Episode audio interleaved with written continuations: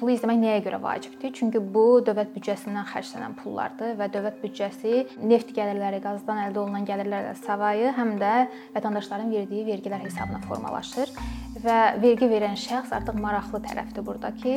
Onun xərclədiyi pul hara xərclənir, necə xərclənir və bu proses şəffafdırmı?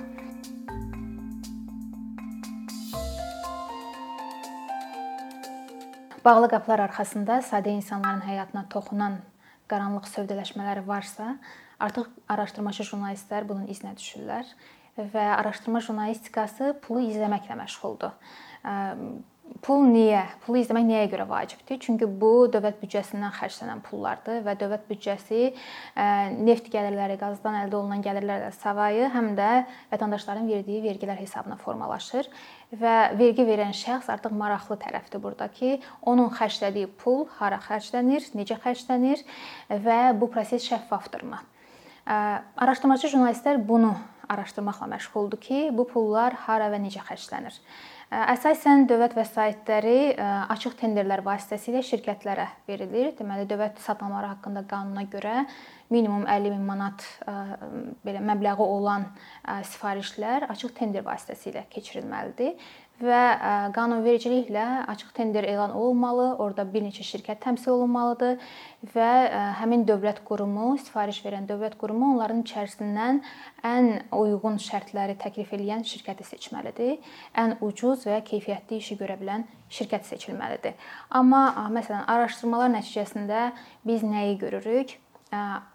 Görürük ki, məsələn, dövlət qurumu məhz qalib elan etdiyi şirkət şirkət ona yaxındır, ya onun qohumlarına məxsusdur, ya birbaşa özünə məxsusdur və görürük ki, hətta tenderdə iştirak edən ikinci və üçüncü şirkət də əslində onundur və onlar sadəcə bu rəqabətli mühiti yaradırlar dırnaq içərisində və göstərmək istəyirlər ki, sanki bir neçə şirkət iştirak edib və onların içərisindən bu şirkət seçilib, halbuki onların hamısı onun şirkətidir.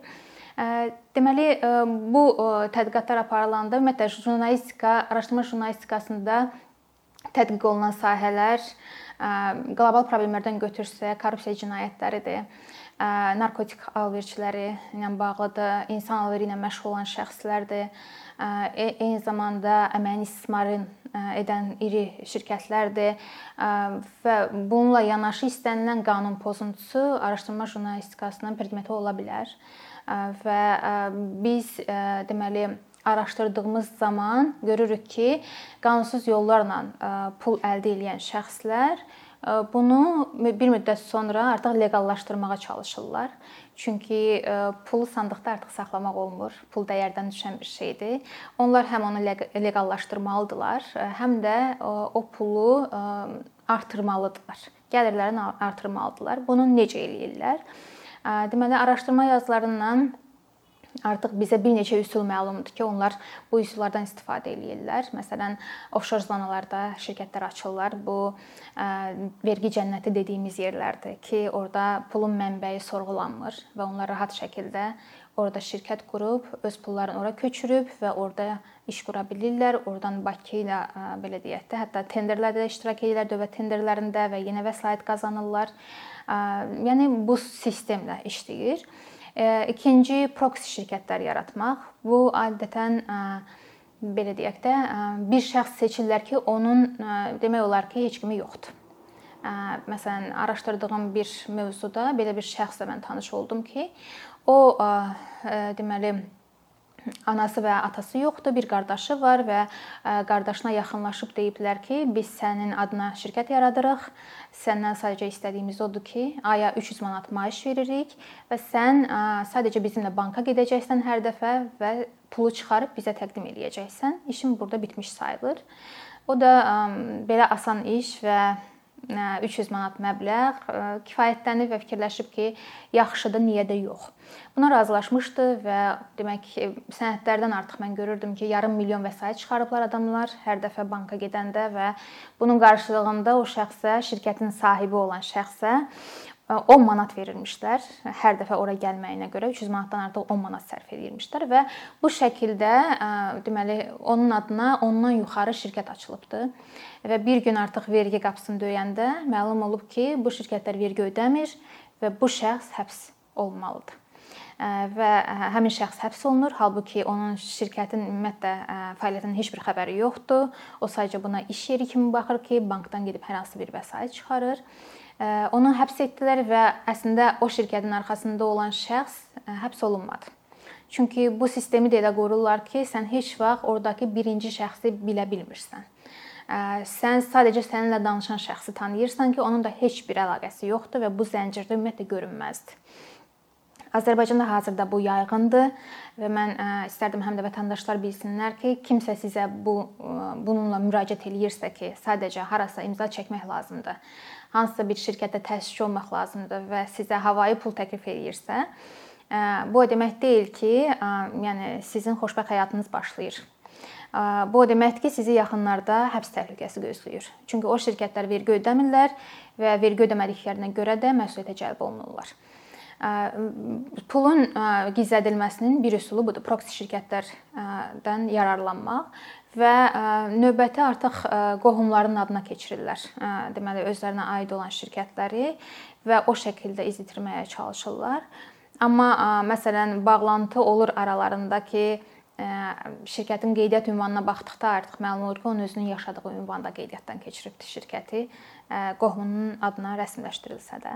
Yəni bu şeylər də olur və başqa üsullar da var ki, onlar bu üsullar vasitəsilə qanunsuz pulları leqallaşdırırlar və hətta ondan əlavə gəlir də əldə edirlər.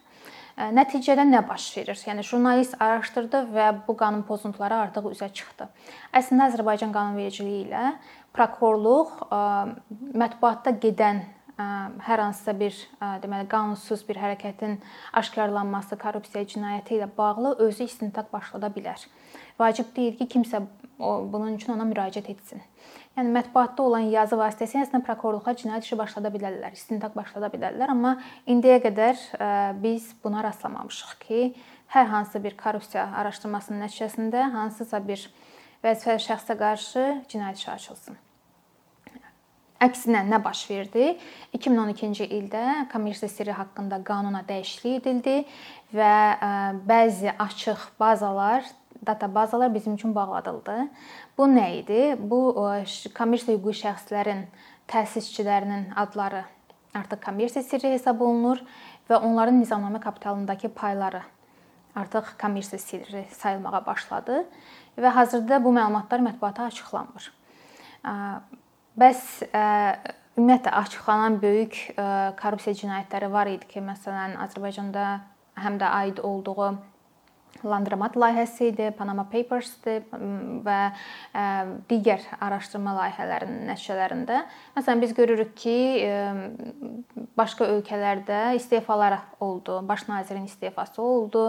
Deməli, İslandiyada, Ukraynada və ümumiyyətlə digər bir ölkələrdə rəsmi şəxslər istefaya göndərildi bunun nəticəsində. Amma Azərbaycanda olmayıb belə bir nümunə. Sadəcə Landromatma layihəsindən sonra Belçikalı nümayəndəsi var idi Avropa Şurasının.